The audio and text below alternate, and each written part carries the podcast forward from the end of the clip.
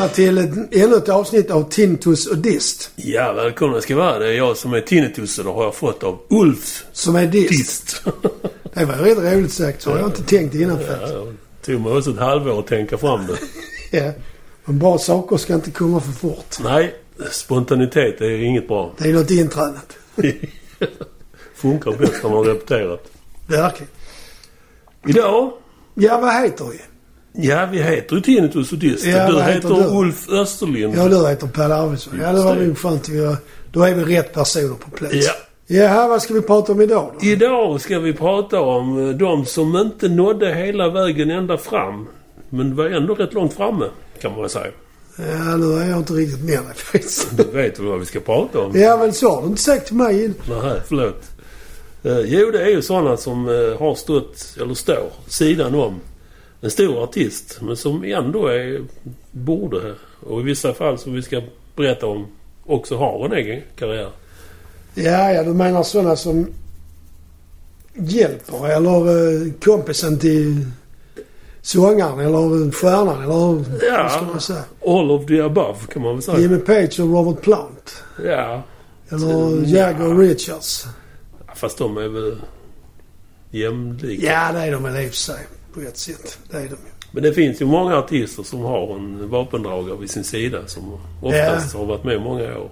Som vi då har valt att kalla för wingmen. Man, Wingman, ja. man kan väl säga sidekick också, men wingman låter väl lite coolare. Är det inte så? Ja. Och dessutom är en av de vi ska prata om, han är en wingman bokstavligt talat. Ja, så han är Eller det. var. Ja, okej. Ja, men vad är då en wingman? Eh, ja, det är ju vad jag tycker en som... Det finns ju många anonyma musiker som står i, på scenen och inte gör något väsen av sig. Men det finns ju sådana som lyser trots att det inte är de som är stjärnan. Ja, ja, som blir någon form av eh, relief höll jag på att säga, men det vet jag knappt själv vad det betyder. De blir någon form av spelpunkt för artist, alltså stjärnan då, eller vad menar jag? Vad menar jag? Jag vet faktiskt inte. Jag är ute och seglar på riktigt. Ska jag köra det till psykakuten eller du klarar det? Jag hittar dit. Har varit där förr.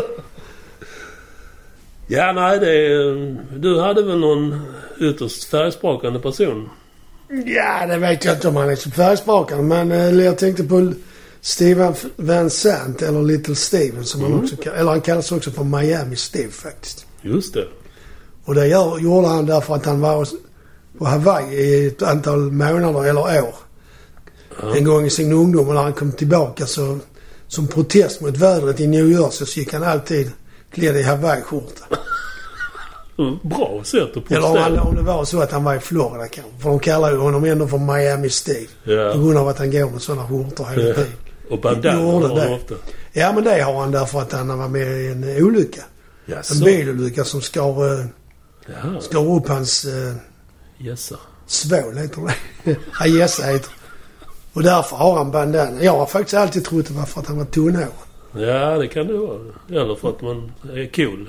Ja det kan det också vara men eh, är han så cool? Det var faktiskt första gången jag la märke till honom. Det var på då jättelänge sedan när man, den sparsmakade tiden när man fick se rock'n'roll på TV en gång i kvartalet kanske.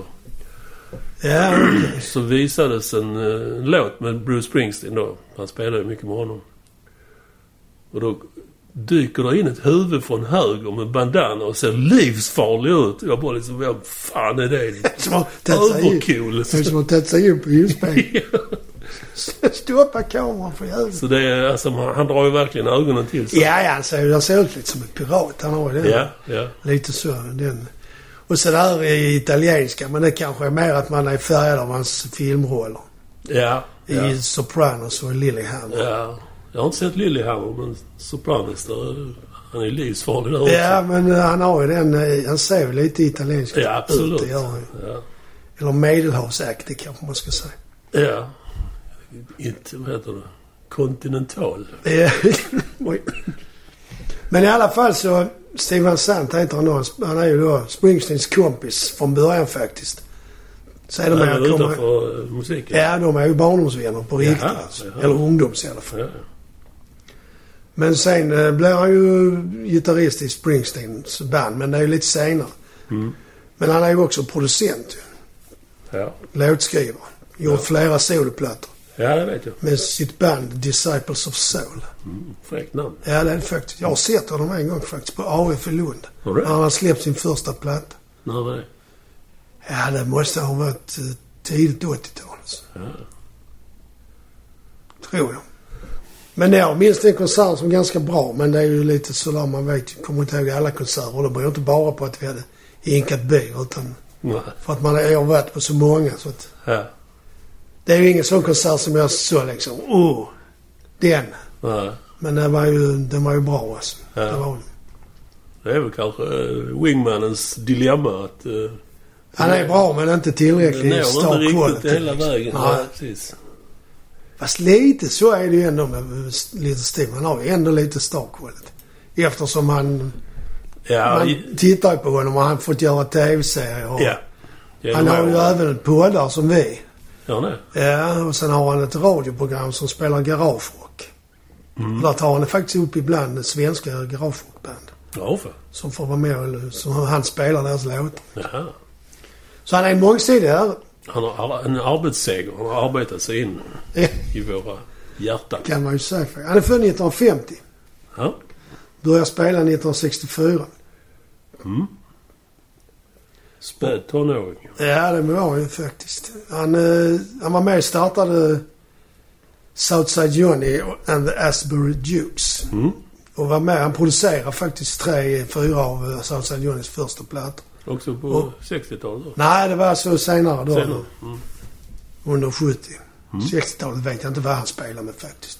Nej, det var en pop. Skrammelpop. Ja, det var väl så alla som alla som började spela på den tiden Mm. liksom. Influerad av Beatles och Stones och dem. Så jag misstänker att han spelade en del, en del av deras låtar Ja. i sina band. Ja, det kan man tänka sig. Han var faktiskt... Eh, han startade Miami Horns. Som då var band, eh, blåsare till Southside Johnnys band. Mhm. Och de heter Miami Horns därför att han Heter heter Miami Steve. Little... Ja, Miami Steve. Ja. Och eftersom det var han som startade dem så blev det det namnet. Efter att ha spelat med Southside Johnny då ett tag så var ju som sagt kompis med Springsteen. Och Springsteen fick... hade då för det mesta, han spelade ju oftast alla gitarrer och sånt på sina egna plattor. Mm. Men så när han lirade live så ville han, fick han för sig att han skulle koncentrera sig mer på publikkontakten och, Ja. och sången. Så då frågade han Little Steven om han ville vara med på en, en kort konsertrunda. Det skulle vara sju konserter. Ja, det blev... Och det var han. Men det, grejen var att det, det blev, så kul tyckte de så han var med i sju år. Ja. Men han lämnar ju faktiskt i... Det har väl inte varit gnisselfritt? Nej, det tror jag inte. Det är det ju aldrig mellan. Nej. Alltså, även om man är kompisar så bråkar man ju lite ändå Ja, liksom. ja.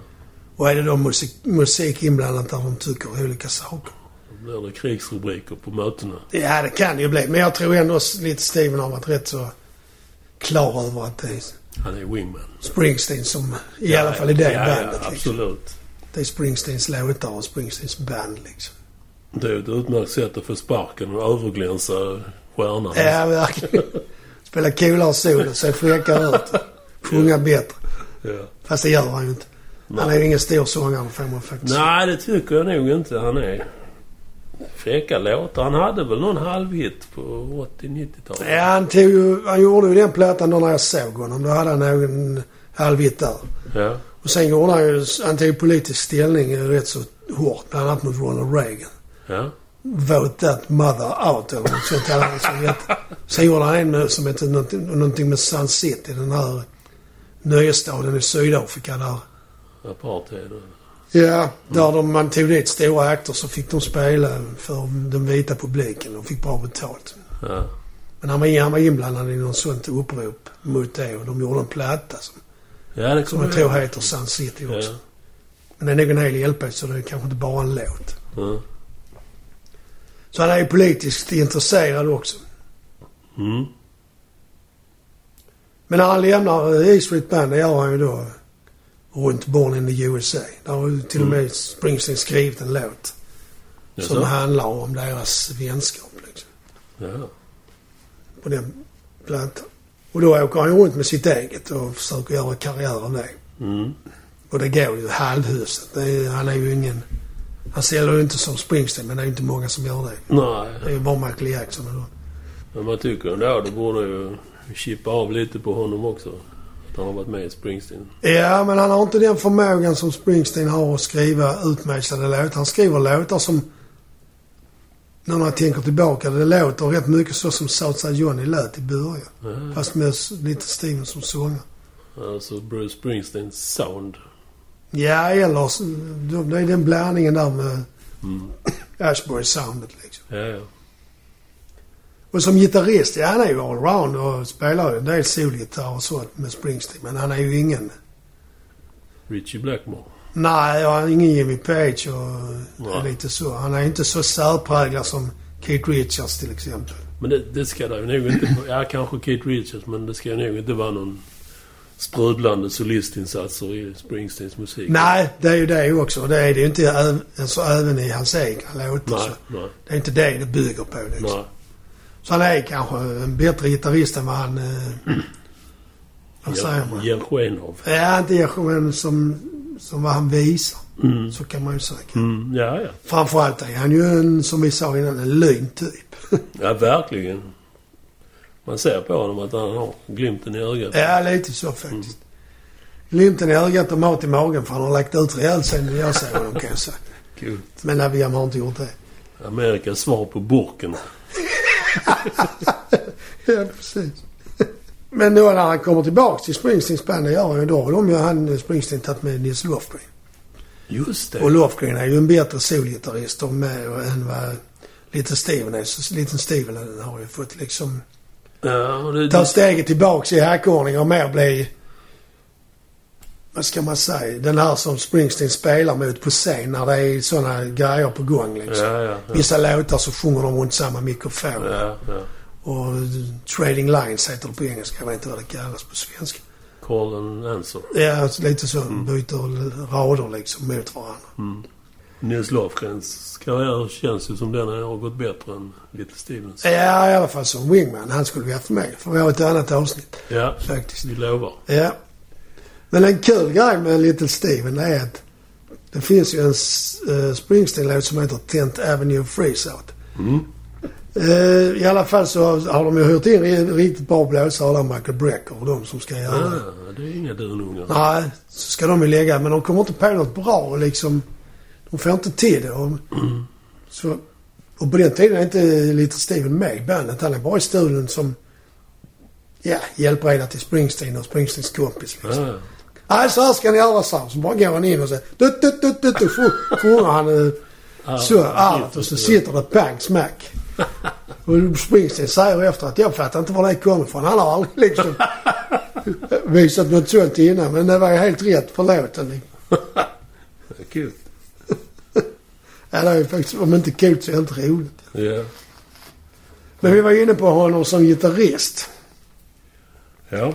Och då är det ju de han gillar själv som han har inspirerats av. Det är ju George Harrison och John Lennon, Keith Richards, Brian Jones. Då är han från Kinks, Dave Davis. Ja. Ray Davis boxarkompis. Pete Townsend, Jimmy Page, Mike Bloomfield och så Jimi Hendrix såklart. ja. Som han själv säger. Det är ju inga dåliga förebilder. Nej, sen är det det där som jag sa. Han är ju kanske inte den mest virtuosa men han fattar när han ska hålla igen. Mm. Och det tycker jag är en rätt viktig grej för en gitarrist. I alla fall en gitarrist som, Mm. som är i ett band där det inte går ut på att spela så jävla mycket gitarr. Mm, absolut. Där soundet inte bygger enbart på det så att säga. Helt klart. Han har gjort några plattor va? Ja, sju plattor har han gjort. Det är e- eget namn, ja. Ja. Den första kom 82 så där fick jag svar på den frågan om jag såg honom. Ja, Det måste varit 83 eller 84 det. ja just det. Och som jag sa, han driver en radioshow. Little Stevens Underground Garage. Mm. Har ett eget skivbolag. Oj. Spelat som sagt i Sopranos och Lillehammer. Mm. Jag vet inte hur han fick det jobbet men jag läste att han hade som noll erfarenhet av skådespeleri. Nej, det har jag också hört faktiskt. Så det är fantastiskt. Men då tyckte väl de som gjorde Sopranos. Spela dig själv. Så. Ja, att han såg ut rätt ja. ut. Ja. Så ja, kan det vara. gör han ju verkligen. Och så där underbettet han har. Jag vet inte om det är riktigt eller han bara skjuter fram det i Sopranos. Ja, det, det kommer och går liksom också. Det är därför han och Springsteen och, och Nils Lofgren eh, duffar med keps. Annars drunknar de. Och så underbettet är så stort. Ja, jag har inte mer att säga om honom. Jag Ja, tycker det han var väl är... inte så lite om... Nej, men han är cool på något sätt. Ja, jag har alltid gillat honom. Då glider vi över till en av mina favoriter. Bland, bland wingman-folket. Vi sa ju att det var bokstavligt talat en wingman, eller wingsman kan man Ja. säga. Nämligen Denny Lane. Ja, där fick du till det. Ja. Tack så mycket. Det är väl kanske lite väl dramatiskt att kalla honom för wingman egentligen men han bidrog ju massor med både låtskriveri och studioidéer och han tog plats på scenen också i Wings. Men det var Paul McCartneys band. Ja, och vem är stjärnan? Det var inte den Lane i alla fall. Nej. Men han, eh, han hade ju dessutom innan Wings så hade han ju en rivstartskarriär i eh, Moody Blues. Och deras superhit, jag vet du vad den heter? Nights in White Satin, är det det? Ja, kanske inte den. Ja, det var också en hit. Jag trodde jag var deras stora, men är det kanske inte. Go Now. Go Det är den absolut största. Now. Var det han som sjöng det? Nej, det var Justin. Jag, jag vet inte om han sjöng, men han har skrivit den. Eller varit med och skrivit den i alla fall. Ja, ja, ja. Han blev ju väldigt rik på den låten. Och Decca, skivbolaget som de låg på då, ville ju genast ha en uppföljare. Ja. Men Denny han kände att eh, nej, det, det blev för mycket gulligt popstjärna och inte för jag tycker Moody Blues är pop i den bemärkelsen. Nej, ja. Alltså om man tänker på den Nights in White Satin så är den ju ungefär... Soundet är ungefär som eh, namnet på bandet låter. Ja, ja. Och det är även lite progget emellanåt, Ja. tycker jag. Så jag vet inte hur han funderar där. Men han hoppade av då, 1966 var det. Och tänkte sig en eh, seriös solokarriär. Ja, okej. Helt omedveten om att ett, Vartenda royalty-nickel från Gonal skulle gå ut till att finansiera de projekten. Som flög lika bra som zeppelinare av bly. Ah, Vem sa det? De klassiska orden. var Kate Moon. Ja, just det. Och Men då var det väl om Led Zeppelin? Ja, ja, ja. Det var inte det var helt annat. Men det är så jävla coolt sagt så jag tyckte att... Ja, det kanske var med vår podd. Bara för det. Och sen två, han visste ju inte heller att... eh, Han skulle ju gräva guld men inte som sol- solist utan som wingman då. Ja, okej. Ja, nej, det hade han väl ingen aning Vad gör man om Paul McCartney ringer liksom? Hej, kan du vilja vara med och spela kompgitarr i mitt nya band jag ska starta? nej, du, jag... Eh, tror du det kan bli något? jag ska nog satsa på min egen solokarriär. Jag kan säga att han, han var ju verkligen and out när Paul McCartney ringde honom. Han var det? Ja, okej. Han bodde på sin managers kontor. Han hade bränt alla pengarna på sina projekt. Ja, okej. Jo, eh, anno 1967, året efter han hoppade av eh, Moody Blues, så bildade han ett, eh, en udda besättning. Ett band som bestod av trummis, basist och en stråkkvartett från Royal Academy. Electric String Band hette de. Det var ju, får man verkligen säga att det var ju ett annorlunda koncept när Jimi Hendrix kom samma år. Ja, verkligen. Och där fanns ju en rackare i kulisserna som snappade upp det rätt fort. Eller Ja, några år senare. Ja, det kan han ha gjort faktiskt. Du tänker på Jeff Lund då, eller? Ja, ELO. Det är ju rakt av det konceptet. Som Ja. han antagligen har snott av den idén. Dock gick det inte lika bra för eh, Electric String Band. De hade väl en liten halvhit som hette eh, Say You Don't Mind. Aldrig Ja. hört talas. Nej, inte jag heller. Den ja, är en rätt fräck låt. Så. Eh, John Paul Jones har gjort stråkarrangemangen.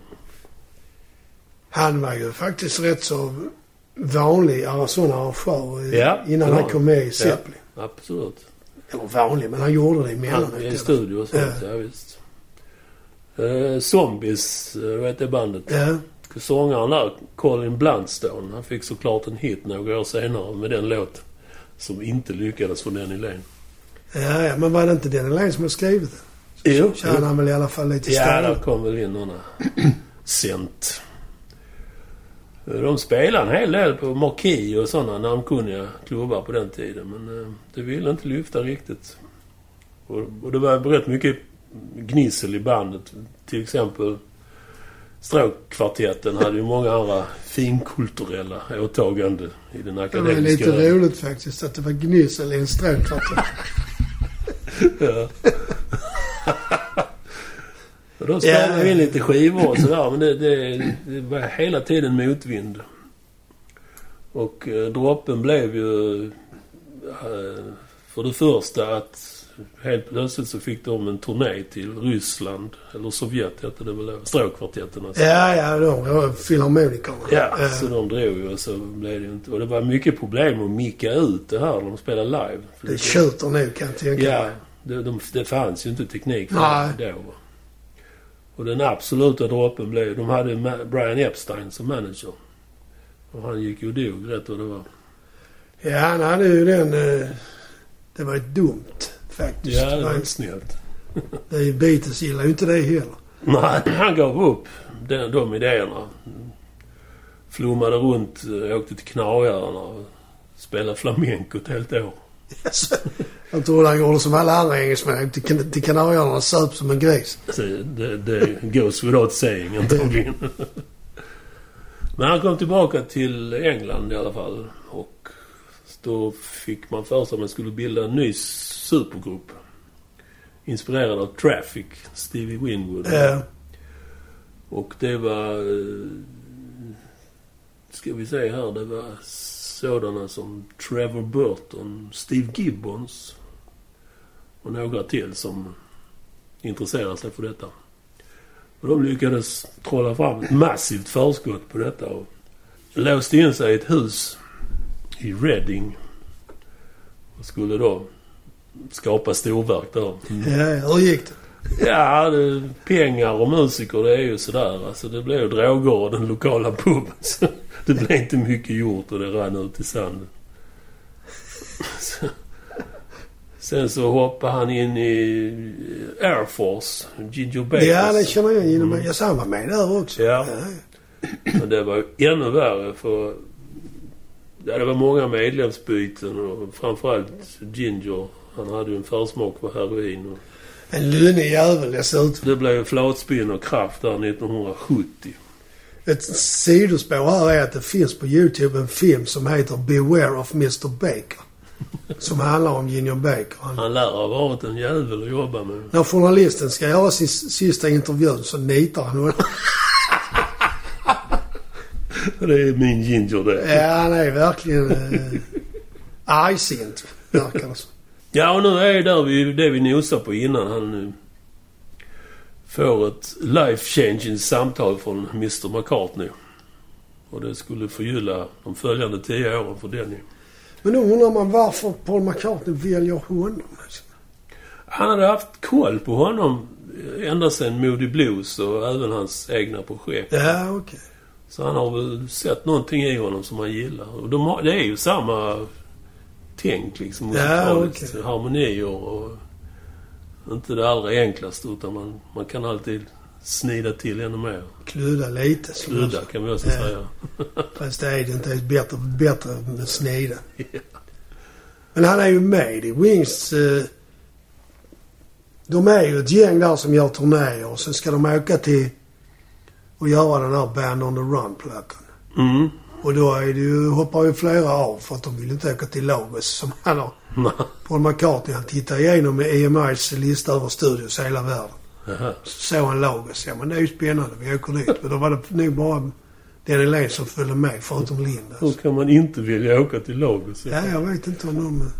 Men överhuvudtaget har ju varit många medlemsbyten i Wings. Ja, det har. Men det har aldrig gjort någonting för de, de var jättestora de, de tio åren. Ja, det var det. 73 till... Eller 71 till 81 var det nog. Ja, sen har han ner Wings så blev Paul McCartney bara. Mm. Och framförallt det du frågade om innan. Han, han var egentligen ute efter en låtskrivarpartner. Han saknar väl John Lennon antagligen. Ja, någon att bolla med Mm. liksom. Och det, det var ju en match in heaven det kan man säga. Så Denny Lane var med och skrev låtar till Wings också då? Ja. Ja, okej. Han hade gjort två soloskivor. Paul Ja. McCartney. Ja, det hade han. Just det. Jag tror han spelar allt själv. Och den första gör han ja. Mm. Men han saknar väl bandkänslan. Ja, det har jag läst också tidigare. Att han ville ha det. Han ville börja från, från botten. Det är väl svårt att börja om man är Nej. Paul McCartney. Men han ville göra de rundorna liksom med enkla, mindre ställen och Ja, och det tycker jag var rätt fräckt. De fattar ju att det kommer att vara skyhöga förväntningar på ett nytt band med Paul McCartney. Och, eh, så de, de gjorde som, som jag förmodar Beatles gjorde från början. De låste in sig på... på han han hade ingen gård i Skottland då. När han var med i Beatles. Ja, nej, nej, nej. 61. Men Eh, de gjorde det och repa och repa och repa. Och sen började de i liten skala. Kommer jag ihåg den här, de hade en dubbeldäckare. En röd dubbeldäckare. Ja, det har jag sett. Första. Ja. Jävligt fräckt turnébuss. Coolaste ever. Och det blev en framgångssaga. Med massa hittar. My Love, Live and Let Die, Jet, Band on the Run, mm. Listen to what the man said. Silly Love Songs. Ja, har, Paul McCartney har en liten ådra för sådana tönterier Ja. liksom. Och världens coolaste basgångare i den låten. Är det det? Ja. Det är ett silly. Ja. Och Senare Let them in, Hi, hi, hi. Ja, det är bara ett axplock. Ja, det är många bra. Ja, och sen så toppade de ju då 1977 när de skrev Mull of Kintyre. Det är faktiskt en singel som har så, i alla tider har sålt bäst i England. Ja, det är Ja, det visste jag det. är helt obegripligt. Ja. Låten är inte så... Jag tycker inte det är något speciellt. Nej, men det, det är väldigt brittiskt. Ja, det kanske är det Så det har nog slagit an Ja. ton hos eh, anglosaxiska hjärtan. Precis. Cheddar-älskare. Nej, nej. Cheddar. Så man kan väl säga att där fick Denny Lane sin uppföljare till Gonar. Ja, alltså... mm, Behöver man inte jobba med. Dock var inte Decca med och cashade in. Så det, ja, det rullar på. De som har ju sålt miljarders plattor. Min favorit är ju trippel-liven. Ja, den är bra. Den har jag också. Wings over America. Sönderspelad LP. Eh, jag gillar Band on the Run också faktiskt. Ja, men det är ja, det, Vi pratade om det i live-avsnittet. Det, det blir ju ändå mer edgy när det är live. Ja, det blir det. Det håller jag med. Sen har det ju varit eh, många taskiga påhopp på Linda genom åren. Ja, ja visst. Bland annat så hörde jag, jag tror det var YouTube, det är rätt länge sedan. Någon som hade samplat bort allting utom Lindas insatser. Ja, men hur vet man att det är hon? Det vet man inte. Nej, det vet man inte. Nej, jag har hört talas om det också med, som håna, med just den grejen där. Ja. Och det är inte snällt. Nej, alltså jag tycker idén är cool. Att frugan är med och barnen. Ja, ja, det är ju sympatiskt på det sättet. Mm. Det, är det. Det är ju ändå så att Paul McCartney är ju en briljant musiker. Och Absolut. jämföra med honom är ju bara... ja, men alla vackra sagor har ett slut och även Wings. De, 1979 släppte de Back to the Egg. Och då byter man väl stil lite grann. Det blir tyngre. Ja, så. kan man väl säga. John Bonham är med på ett spår. Oj. Och de flörtar väl lite med New Wave och sånt där också som låg i tiden. Jag tycker det är en bra skiva. Men, Ja, den har jag faktiskt... Kan jag inte påminna mig att jag har hört någon låt ens. Nej, alltså han var inte jättehet när den släpptes. Men, jag tycker ändå den är bra. Ja, okej. Den gick ju inte hem i kritikerleden. De- Recensionen i Rolling Stone osade svavel så. fullständigt längs fotknölarna.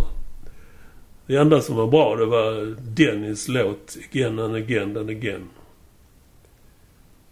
Aldrig hört talas om Nej, om inte du har hört den skivan så. Jag tjatade faktiskt in den i ett dansband jag var med i. då. Ja, så. Vi körde den där.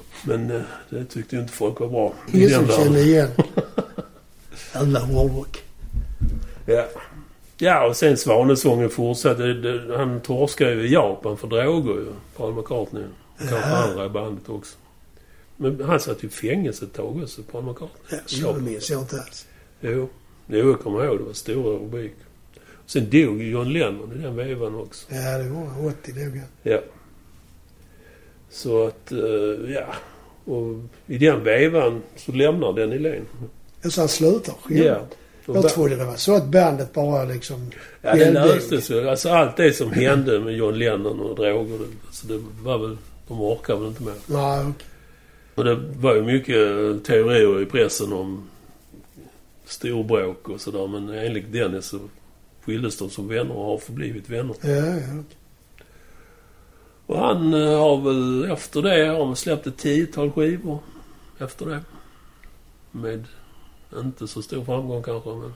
Nej, jag kan inte komma på någon som han har haft en hit och så liksom. Nej. Det gör ingenting. All bra musik behöver inte bli hits. Nej, nej, det så att, eh, absolut inte. Men kanske eh, behövde han en liten Paul McCartney-kick för att nå höjderna i Kanske. låtskrivandet. Kanske. Ha en sparringpartner liksom. Ja.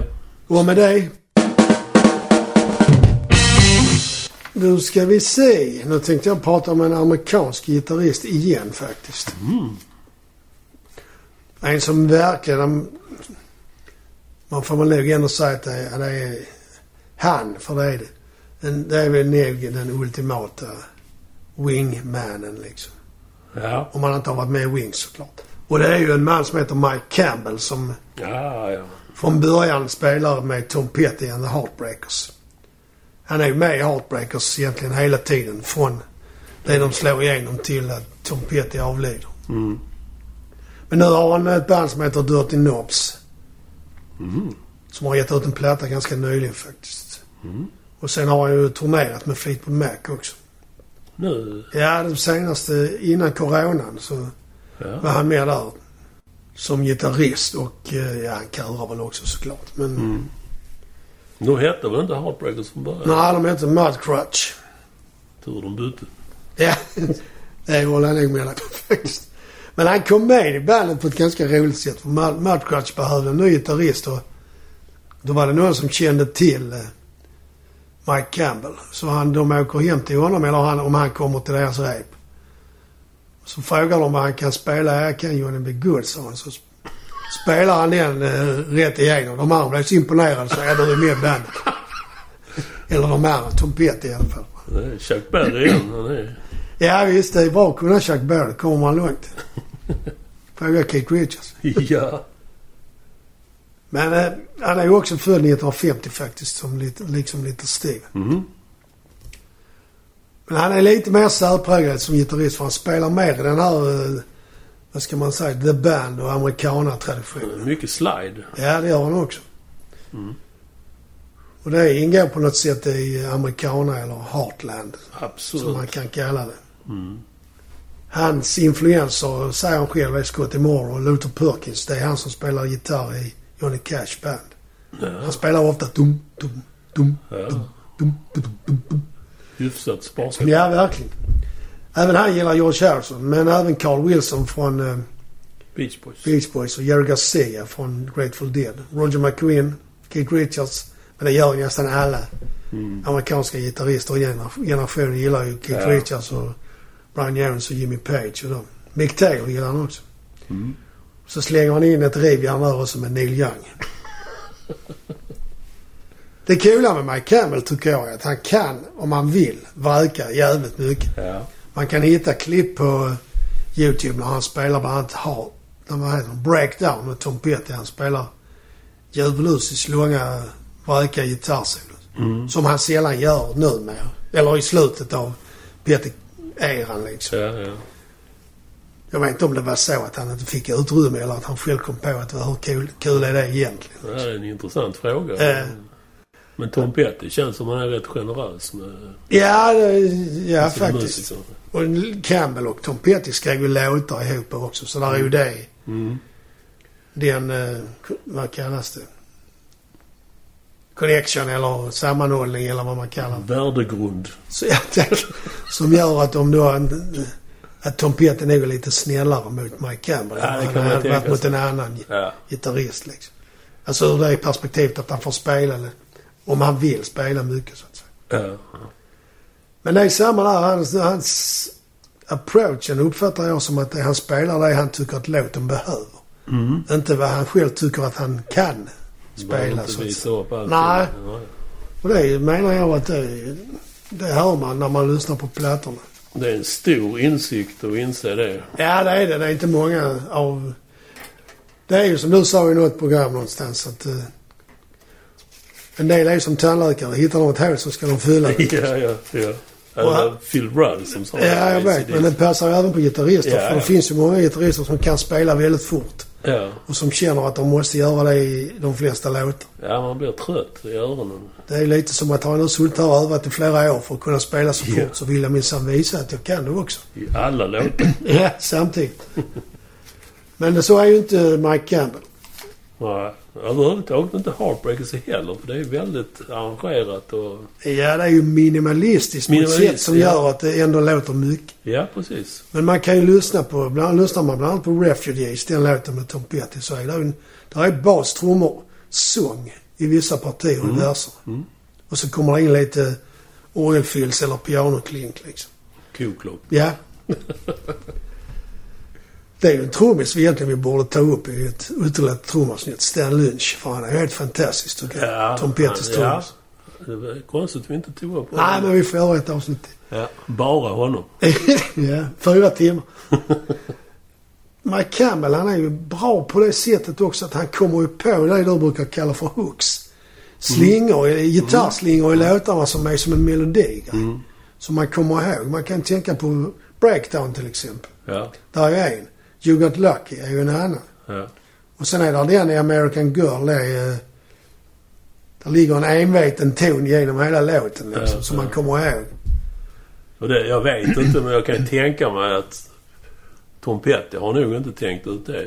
Utan han kommer och presenterar låten och så Ja, det tror jag också att det är Campbells eh, egna idéer. som sätter kläder på det. Ja, och så säger Tom Petty ja eller nej. Liksom. Ja, ja. såklart. Eller så. Den är väldigt dynamisk den låten. Den går upp och ner i... Refugees menar Ja. Ja, det gör de faktiskt. En av de bästa rocklåtar jag vet faktiskt. Mm.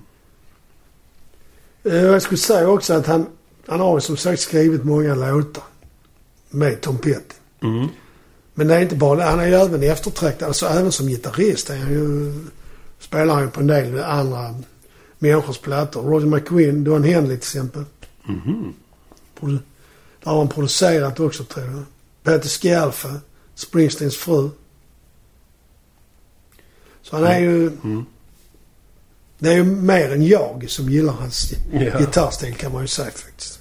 Ja. Det är ju inga små pizzeriaband precis. Nej, det får man ju inte säga. Speciellt inte Fleetwood Mac när han Mm. kommer med där. Men där märkte man ju vad Lindsey Buckingham betydde. För de, när de, inte han fick vara med längre så fick de ta in två man för att sköta hans jobb. En på gitarr och en på sång. Ja, för. Det är ju Neil Finn från uh, Crowded House som sjunger Är det? på den turnén. Jaha. Ja, med det lämnar vi eh, Mike Campbell. Mm. The Wingmans Wingman. Nu känner jag att det kommer rassla i kulisserna här. Det gör det. Ja, då är det herr Paul som ska presentera sin nästa då. Ja, då hoppar vi raskt över till... Eller vi stannar kvar i USA. Och då hamnar vi hos en, en typisk överwingman som heter Earl Slick. Han har nog inte gjort något eget. Han har varit med i många stora... Tror han hade ett band ihop som jag har en platta faktiskt. eh, Med eh, Slim Jim Phantom från eh, Ja, just det. Han hamnar med det dem. bandet. Vad heter de? Med Brian Setzer. Ja, nu tänker vi högt där. uh, Stray Cats. Ja, de hette det. Jag, det- jag satt och letade efter vad de kallar sitt band. Ja, det min- minns jag faktiskt inte. Ja, googla. Men jag har plattan. Jag kan visa den på bild. Det han nu kan jag meddela. Ser ni? Ja, han började också tidigt som de flesta. Eh, New York är han från. Eh, Tidigt 70-tal han med med sin bror på trummor. Mindre ställe och som vanligt covermusik, topplistor. Ja, men det är en bra skola. Ja, det är det.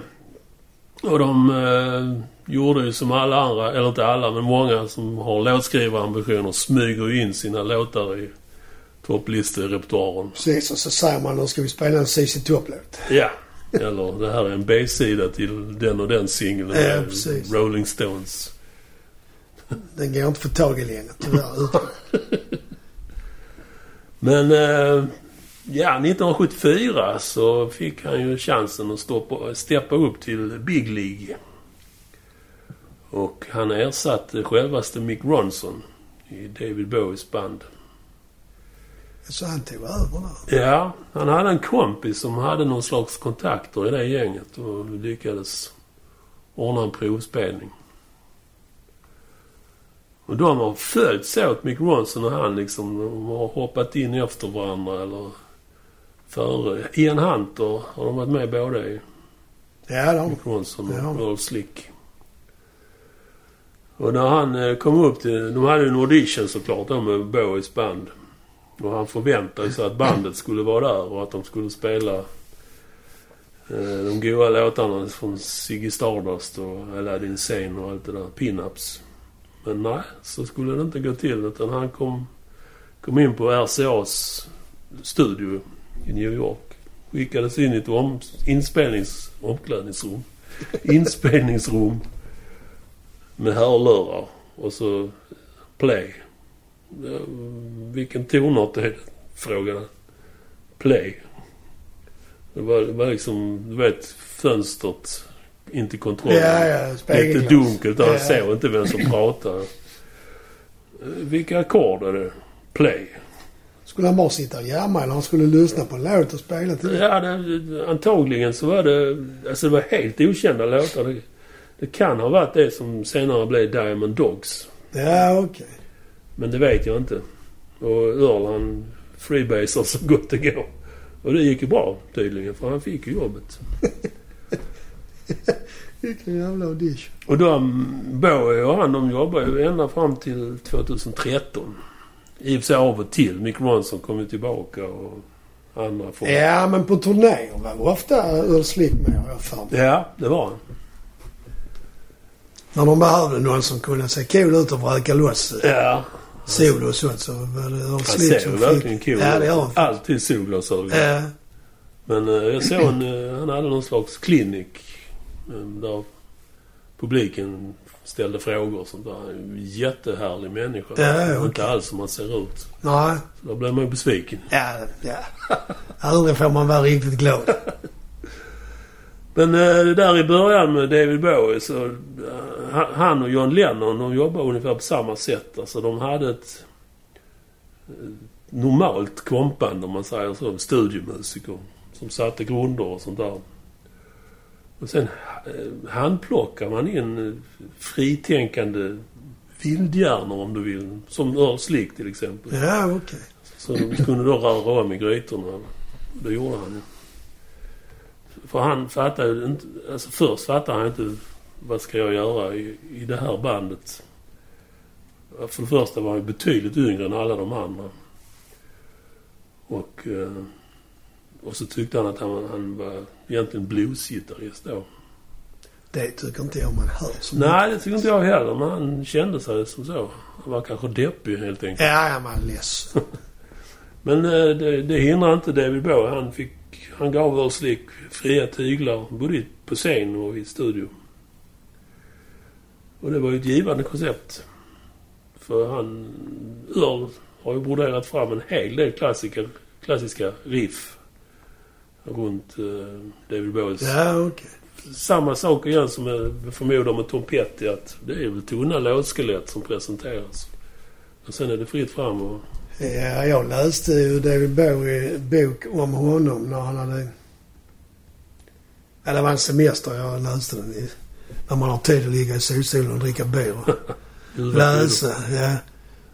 Och då uppfattar jag det som att i slutet i alla fall av sin karriär så, så är det mer att Bowie han tar dit folk som får spela så gör han ljudkollage för det. Jaha. så använder han delar och gör låtar av delarna liksom. Ja. Och det säga låter ju rätt så... obskyrt. Ja, flummigt. Ja. Det, alltså jag tappar ju intresset för, som vanligt, som alla band under slutet på 70-talet. Han, ja. han sökte sig andra vägar som... De tilltalar inte mig i alla fall. Ja, han Earl Slick, han... eh, Han var med på tre skivor. Då Diamond Dog, som jag sa. Young Americans, Station to Station. Sen blev det något tjafs där eh, 1976. Både med David Bowie och management. Så han åkte ut helt enkelt. Ja, okej. Och han försökte lite med egna projekt men det gick sådär. Uh, ända tills 1980. Då kallades han återigen till en provspelning för en hemlig, ytterst hemlig höjdare. Eh, den här höjdaren hade gjort några insatser på Young Americans. Och höjdaren kom ihåg att Earl Slick stack ut och tillförde rätt så mycket coola idéer. Kan du gissa vem det är? 1980. Som är med på... Uh, Vi, vi snackar big time nu alltså. Your, your Young Americans. Ja, det är John Lennon nu. Ja, ja. Han är med på Fame, den låten på Young Americans. Ja, stämmer. Han har nog varit med och skrivit den också. Men det var ju, och skivan var ju då såklart Double Fantasy. Ja, hans comeback-platta. Mm. Och vi nämnde ju The Lost Weekend för några avsnitt sen. Ja, när han är ute med sekreteraren. Ja, som varade ett år i sus och dus. Ja, Men eh, på denna inspelningen, Double Fantasy, så var moralen betydligt högre.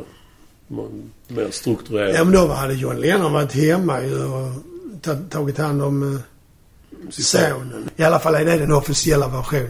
Ja. Läser man... Eh, finns en bok som är skriven av någon sån här skandalaktig journalist som- som är väldigt tjock. Som handlar om John Lennon. Och där ja. är det inte riktigt eh, den versionen som ges. Utan det är lite så att han återhämtar sig, om jag minns rätt, från drogmissbruk och, Ja, okej. och sådana saker. Liksom. Ja. ja, det kan ju inte bli annat än struktur om man slutar med droger. Ja, lite så är det Det var egentligen tänkt att det skulle bli två skivor. De spelade in oerhört mycket musik. Ja, Så där eh, kom ju ut en platta till på stunt 1984. ja det är det med glasögonen på. Det inte det? Mm. Milk and Honey heter den. Ja. Ja, sen återigen så vi pratade ju om det. Han hoppade ut och in med David Bowie. Så 1983 så hade han spelat in Let's Dance-plattan. Ja, jag går på turné där. Ja, men Stevie Ray Vaughan som faktiskt lirar på plattan Ja, det vet jag. Han gjorde. skulle åka med på tu- turnén men eh, i sista sekunden så skar sig någonting så han hoppade av. Den officiella versionen är att Steve Ray Vaughan ville satsa på sin egen solkarriär. Ja, han, det var han, han var rädd att han skulle bli... eh, Anonym. Ja, och bara bli eh, David Bowies Mm. eh, gitarrist på den Ja. turnén och sen eh, bortglömd liksom. Med facit i hand så fick han ju rätt. Ja, det fick han. Men eh, ja, det var snabba ryck då. Så han, eh, Earl Slick han fick ett telegram tre dagar innan turnéstarten var i Bryssel. Så han hade alltså tre dagar på sig att lära sig en tre timmar lång föreställning. Och infinna sig då i Bryssel. Saken blev ju inte bättre av att han upptäckte att hans pass hade gått ut. Oj! Men eh, han kom på råd, som det heter. Han, han tog med sig det här telegrammet till passmyndigheten i USA. Och det... Då gick Har aldrig gått så fort. Nej, det gick undan så. Så han, eh, han eh, fick, fick ihop allting och var med på den turnén där. Och... eh, Ja, de åkte ett helt år på den skivan. Ja, var det inte mer? De var ju på Skandinavium med på den turnén. Nej, förlåt. Ullevi. Ullevi. Ja, På den turnén. var det bra? Nej. Ja, i alla fall om hur länge det nu var så började det dra ihop sig till en ny skiva. Det är den som heter Tonight. Som jag inte har en aning om. Nej, inte jag heller måste jag säga. Och eh, det hade diskuterats under turnén att ja, vi ska väl spela in. Så han satt hemma och väntade på det där samtalet. Men det kom inte. Nej. Så det kan man väl säga är Wingmanen i ett nötskal. Ja, precis. Det är inget band alltså, utan han är inhyrd. Ja. Trots att man kan ju tänka sig att när de är ute ett, ur ett år tillsammans att det blir som en familj. Ja, på ett sätt måste det ju bli det. I alla Mm. fall de timmarna man är på scenen måste man ju Mm. ändå komma nära varandra på något sätt. Så han kände sig nog rätt säker att han skulle få, få lov att fortsätta. Men nej. David Bowie hade andra visioner i sikte. Tog inte han med han Gabriel Reeves eller vad han heter sen? Jag vet inte vem som kom efter där. Ja, det är en spekulation men... Kanske Mick Ronson igen. Nej, jag tror inte han var med där. Men... Ja, ja. Ja. That's it. Med Earl Slick. Det finns en film faktiskt på YouTube. Ja, just det. Netflix. Är det Netflix? Mm. Ja. Jag har sett den. Jättebra film. Vad heter den? Jag har glömt det. Ja, det är någonting med... Hired Gun, är det den? Higher Gun heter den. Ja. Den är ganska Mycket intressant Den eh, faktiskt. pinpointar för och nackdelar med livet som wingman. Ja, dilemmat i alla fall. Ja, framförallt. Ja, det var Earl Slick. Mm.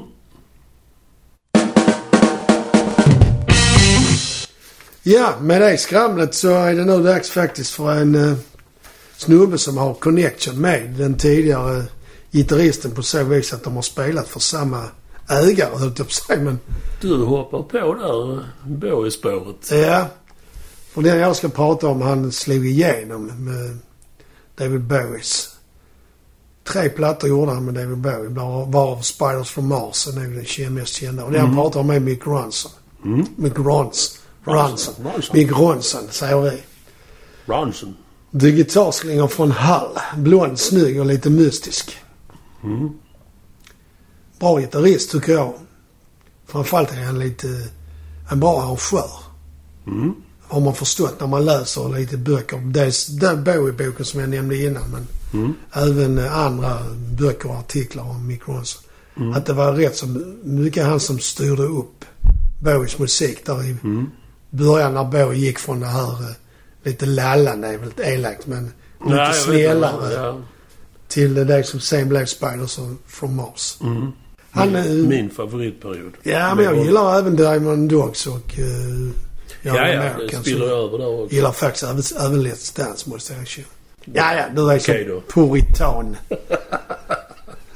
Mick Ronson född i maj 46, dog april 93. Han fick levercancer och dog i sviterna av det faktiskt. Det gjorde väl kapellmästaren också, Bowie? Ja, det gjorde han kanske. Det minns jag inte faktiskt. Jag bara vet att han dog. Ja.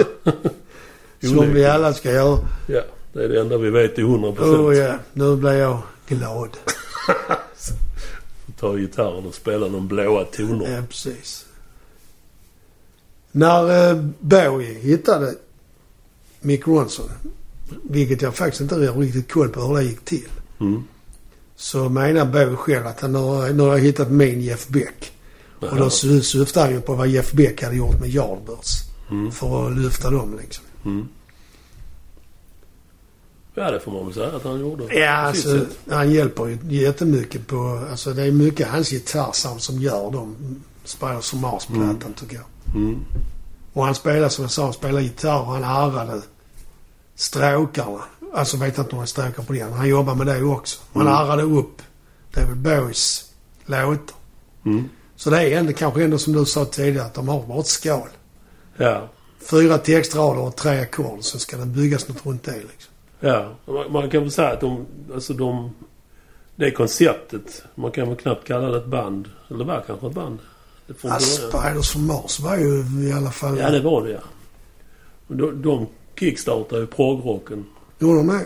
tycker jag. Ja, okej. Glamrocken trodde jag annars Ja, glam, det, det ligger där och glider emellan. Ja, okej. Ja. Rick Wakeman är faktiskt med på det. ja, han spelar på någon Bowie-låt. Ja. Bland annat den uh, Life on Mars. Han som spelar Just piano. det, piano. Mm. Väldigt fint. Jag hörde en rolig historia. Leif, sångaren, berättade. Eh, det var inte bara musiken. Det var ju också, han hade mycket visuellt i sina shower. Det ju- Bowie, ja. Och han hade tänkt ut då att de skulle ha liksom, eh, vad heter det, inte spandex men sådana balettbyxor. Ja, ja, sådana trikåer. Och Liksom. eh, flummiga spaces. All- Alltså, han var ju tio år före sin tid där liksom. Ja, Och, och bandet, det var ju då, jag var inte Mick Ronson, men bandet det var ju sådana bredaxlade jeanskillar som... No way! Nu ville de inte vara med om sådana kläder. Men han, han, han drev igenom det, David Bowie. Så de gjorde ett gig då med de nya kläderna. Och jävlar vad det sprangs bakom scenen med tjejer. Sen efter det blev det inte ett ljud om kläderna. Ingen som snackar om det. Ja, bra grej David. Tack för det. Ja. Men Mick Ronson är ju också med. De är ju rätt utklädda där uppe faktiskt. Det får man ju ändå säga. ja. Och Mick Ronson är ju med och han... Han är ju faktiskt även med på... eh, När Bowie gör en platta med Lou Reed som heter Transformer. Och den producerar Mick Ronson tillsammans med David Bowie. Mm. Lou, eh, eller vad heter det? David Bowie var ju ett stort fan av både Lou Reed och Velvet Underground. Så han Mm. tyckte det var jättekul att producera honom. Mm. Och Mick Ronson läste och han... Han var, började ju egentligen som barn med klassisk musik. Fiol och cello. Ja, okej. Så det är inte konstigt att han har förmåga att arrangera. Nej, det är klart han har snappat upp lite där. Så. Och han, är ju, han, han har hjälpt andra att arrangera. Och sen har han arrangerat Mellencamps Jack and Diane till exempel. Jaså? Det visste inte jag. Det blev jag väldigt överraskad när jag Ja. fick reda på det. Ja, verkligen. Han är med på eh, Don Henleys Boys of Summer. har han också styrt upp. Jaha. Den hitten. Sen har han ju faktiskt turnerat med Dylan. På den Rolling Thunder Review är han med och spelar. Just Har jag det. sett klipp. eh, Jag har ju den filmen, eller har i alla fall sett filmen som heter så. Ja. Där är ju klipp när han är med på scenen. Mm. Men så frågar de honom i en intervju där i filmen. Ja, hur är Bob Dylan? Jag vet inte, jag har inte pratat med honom. Men har de alltså gjort tre månader på turnén eller något sånt. Oerhört märkligt. Ja. Men sen också som du nämnde så teamar han ju upp med Ian Hunter. Först är han med och spelar på en turné med Motte Hoople. Ja. Men där är han ju aldrig med på någon platta vad jag Bra vet. band. Ja, de var coola faktiskt. Och där är ju Ian Hunter sångare. Mm. Och Ian Hunter han var ju den som skrev rätt mycket av låtarna. Mick Ralphs från Bad Company skrev också en del. Mm. Ian All Hunter the way to Memphis och sånt där. Ja. Mm. Är det någon annan som känd Ja, också? det är en som är ännu större, men jag kommer inte ihåg. Vad fan heter den? Stopp. Ja, det jag helt stått nu. Googla. Ja. Eh, men i alla fall så blev han och Ian Hunter... Jag vet inte om de är vänner innan, men de blev i alla fall mer tajtare där så... Ronson hjälper ju Ian Hunter och spelar gitarr på hans första soloplatta och sen fortsätter det. Mm. Ett par soloplattor till. Han gjorde... De gjorde... Jag tror de gjorde fem eller sju plattor ihop. Så pass. Ja, det är ganska många. Han gjorde nio med Bowie. För övrigt när vi ändå är inne på plattor. Fem plattor gjorde de. Ian Mm. Hunter och Mick Ronson. Ja. Var You're Never Alone With A Schizophrenic är den bästa tycker jag. Bara titeln Den är rolig titel. värd en Oscar som ja, det är det faktiskt. Men den plattan är väldigt bra. Ja, det tror inte jag har hört. Är men... Uh, tycker jag du ska göra faktiskt. Mm. Det är coolt. Sånt typiskt New York-sound i slutet av 70-talet. Ja. Och det är faktiskt mm, trummisen och basisten och keyboardisten från uh, Springsteens band som spelar på plattan. Jaha. Tillsammans med Mick Ronson. Ja, fan. Och lite annat löst folk som körar hit och dit. Ja. Och Hunt. Lin- Linda McCartney. Nej, hon fick inte vara med. Hon var på turné med sin man. Eh, jo, eh, Ian Hunt har berättat en gång eh, om hur det gick till när eh, Ronson skulle spela på en låt. Ja. Då satt han, sitter han uppkopplad och klar i, med hörlurar och lyssnar på låten och försöker komma på hur han ska, vad, och hur han ska spela. Och sen lyssnar han lyssnar igenom låten ett antal gånger. Sen Ja. så när han väl har kommit på hur han ska göra ska han bara komma på... Eller när han kommer på vad han ska göra ska han komma på hur det ska gå till. Ja. Och det brukar ta en stund. Ja.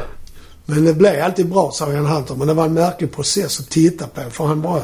Ja. Han var så skulle han lista ut på gitarren hur han skulle ta det han hörde i huvudet liksom. Det kan vara frustrerande. Ja, Även verkligen. om man vet att det blir bra till sist. Ja, men eh, Mm. det gäller som sagt att hitta... Jag har faktiskt sett honom en gång live, båda två. Jaha. tillsammans. Det var på mejeriet i Lund. Jaha. Med det då med Ian Hunter. Och Det var... Ja, det var en cool konsert faktiskt. Ja. Var det mycket folk? Ja, det var fullt. Mm. Såklart. Han öppnar ju med Once Bitten Twice Shy som jag tycker är en jävla cool låt. Han... De här fantastiska raderna där. You didn't know what rock and roll was until you met my drummer on a greyhound bus. I got there in the nick of time before he got his hands across, across your state line. Jag tycker det är så jävla... det Lämnar en del till... Ja, eller så är det det det inte gör kanske. Lämnar något till kokar fantasi. ner till... De klassiska ämnena. ja. ja. Men Mick Ronson var ju mer än en kompis. Alltså han var ju mer än en sideman. Han gjorde ju sex egna soloplattor faktiskt. Oj. Varav Slaughter on Fifth Avenue och Play Don't Worry är de jag har. Mm. Som jag tycker är väldigt bra. Play Don't Worry är ju jättebra. Det är en låt som heter eh, Billy Porter. Som är så väldigt engelsk och i arret och som låt liksom och text och alltihopa. Som det, det kan bara skrivas av en engelsman. Och det har du gjort också. Sen var han glad för att spela instrumentallåtar. Gör han, gjorde han ofta live. I FBI finns det en som heter med Shadows tror jag. Den har du spelat lät det som. Ja, alltså Shadows du, Ventures. du, Jag, jag, vet inte. jag gillar inte det alls. Men Ja, jag den är kul med honom faktiskt. Ja, det kan jag tänka För mig. den är ju tuffare än vad den är med Shadows. Och den är med på uh, Ian Hunters liveplatta som heter Welcome to the Club faktiskt. Mm. Den låten. Men även den jag nämnde innan, plattan Slaughter on the 10th Avenue, har en låt som heter så också. Mm. Och det är en instrumental som han... Den är skriven av, han- av han Rogers i Rogers and Hammerstein. Va? Så det är sån, den är först inspelad första gången framförd 1936. Så det är en jättegammal låt han har plockat upp och gjort om till en gitarrinstrumental. Det är rätt fräckt faktiskt. Ja, det, det låter ju inte... Det låter ju oerhört märkligt. sånt Ja, men det är lite begåvat också på något sätt. Ja, det det också. coolt Ja. liksom. Men han var en cool gitarrist. Han hade ett speciellt sound också tycker jag. Som Mm. enligt honom själv fick han genom att han satt, kopplade gitarren via en wah och så satte han wawan i det exakta läget där han tyckte det lät som bäst. Och så lät han det stå där. Det kallas för att man parkerar wawan. Ja, Och då får man liksom, en viss... ja det, är- det kallas för en sweet spot. Men man får ju Mm. den mängd av både diskant och bas som man tycker att är kul liksom. Han har ju, jag tycker han har en ganska rå ton. Jag vet inte vad du tycker men... Jo, jag, jag tänker på... Det påminner om ungdomen när man hade sina källarband och så experimenterade folk med radioapparater och Ja. pennor i högtalarkonerna. Det, det är lite sånt sound som jag minns det. Ja men det stämmer rätt så bra. Han, han var ju lite så att han experimenterade. Han tog bort kåporna från mickarna på sin Gibson till exempel. Ja. Så han spelar bara med... Jag vet inte vad det kallas men... eh, Spe, Humbucker. ja, han spelar med dem så de syntes. Det var inga kåpor. Sen så slipade han ner sin gitarr till bara träet. För han tyckte det blev bättre resonans Jaha. av det liksom. Är det inte lite idéer bara? Ja, jag var väl inne på den tanken också. Men så länge han tyckte det lät bra så var det väl rätt liksom. Ja. Känslan där och tron på att det blev bättre gjorde det kanske. Ja, men så är det ju med vissa grejer. Mm. Tror man att man kan köra bil så kör man ju nog bättre än om man inte tror på det. Va? Det var ett dåligt exempel. Tror man att man kan spela gitarr så låter det bättre än om man inte kan. Om man inte tror det. Nej, jag klipper. Ja, innan vi förvirrar ner oss ännu längre ner i undervegetationen så ska vi kanske runda av. Ja, men vad har vi lärt oss idag? Eh, wingmen, eh, duktiga musiker oftast. Ja, som eh, lyser lite men de står inte i vägen för Nej. stjärnan liksom. Och kanske saknas... Det, det gäller ju samtliga som man har kikat på nu. Att det finns inga skandalhistorier. Inga drog... Ja, lite grann kanske, men inget... Inga excesser och inget... Lite Steven tog LSD tre gånger sen var det inte mer har Det jag var hört. det. Nej, det var faktiskt en liten besvikelse. Jag hade hoppats att det Ja. skulle vara vildare typer det här. Ja, det trodde jag också. Men det Men ligger kanske i sakens natur. Ballar man ur så åker man ut. Ja, så är det. Om man sätter sig upp mot stjärnan också Ja. när man är toppad liksom. ja, det är också. firmafestläge. Nu kommer han ska ha en grej. Så Ja. snackar med dig om. Liksom. Det är bara Charlie i Rolling Stones som får lov att nita kapellmästaren. Äh, fast han är inte ens kapellmästare. Han är bara sångare. Ja, jo. Enligt Keith Richards så är det ju Keith Richards som är kapellmästare. Jaha. Ja.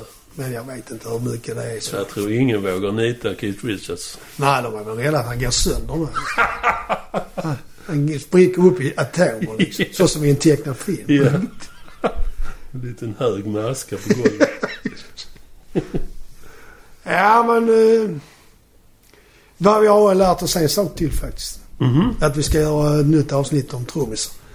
Ja. Med eh, Stan Lynch, Ja. bland annat. Det Men vi, har, vi. vi, kan väl även göra ett nytt avsnitt av sådana här tycker jag faktiskt. Det är ändå ganska... Ja, där finns ju några Det finns ju fler kom vi på mitt när vi snackade. Mm.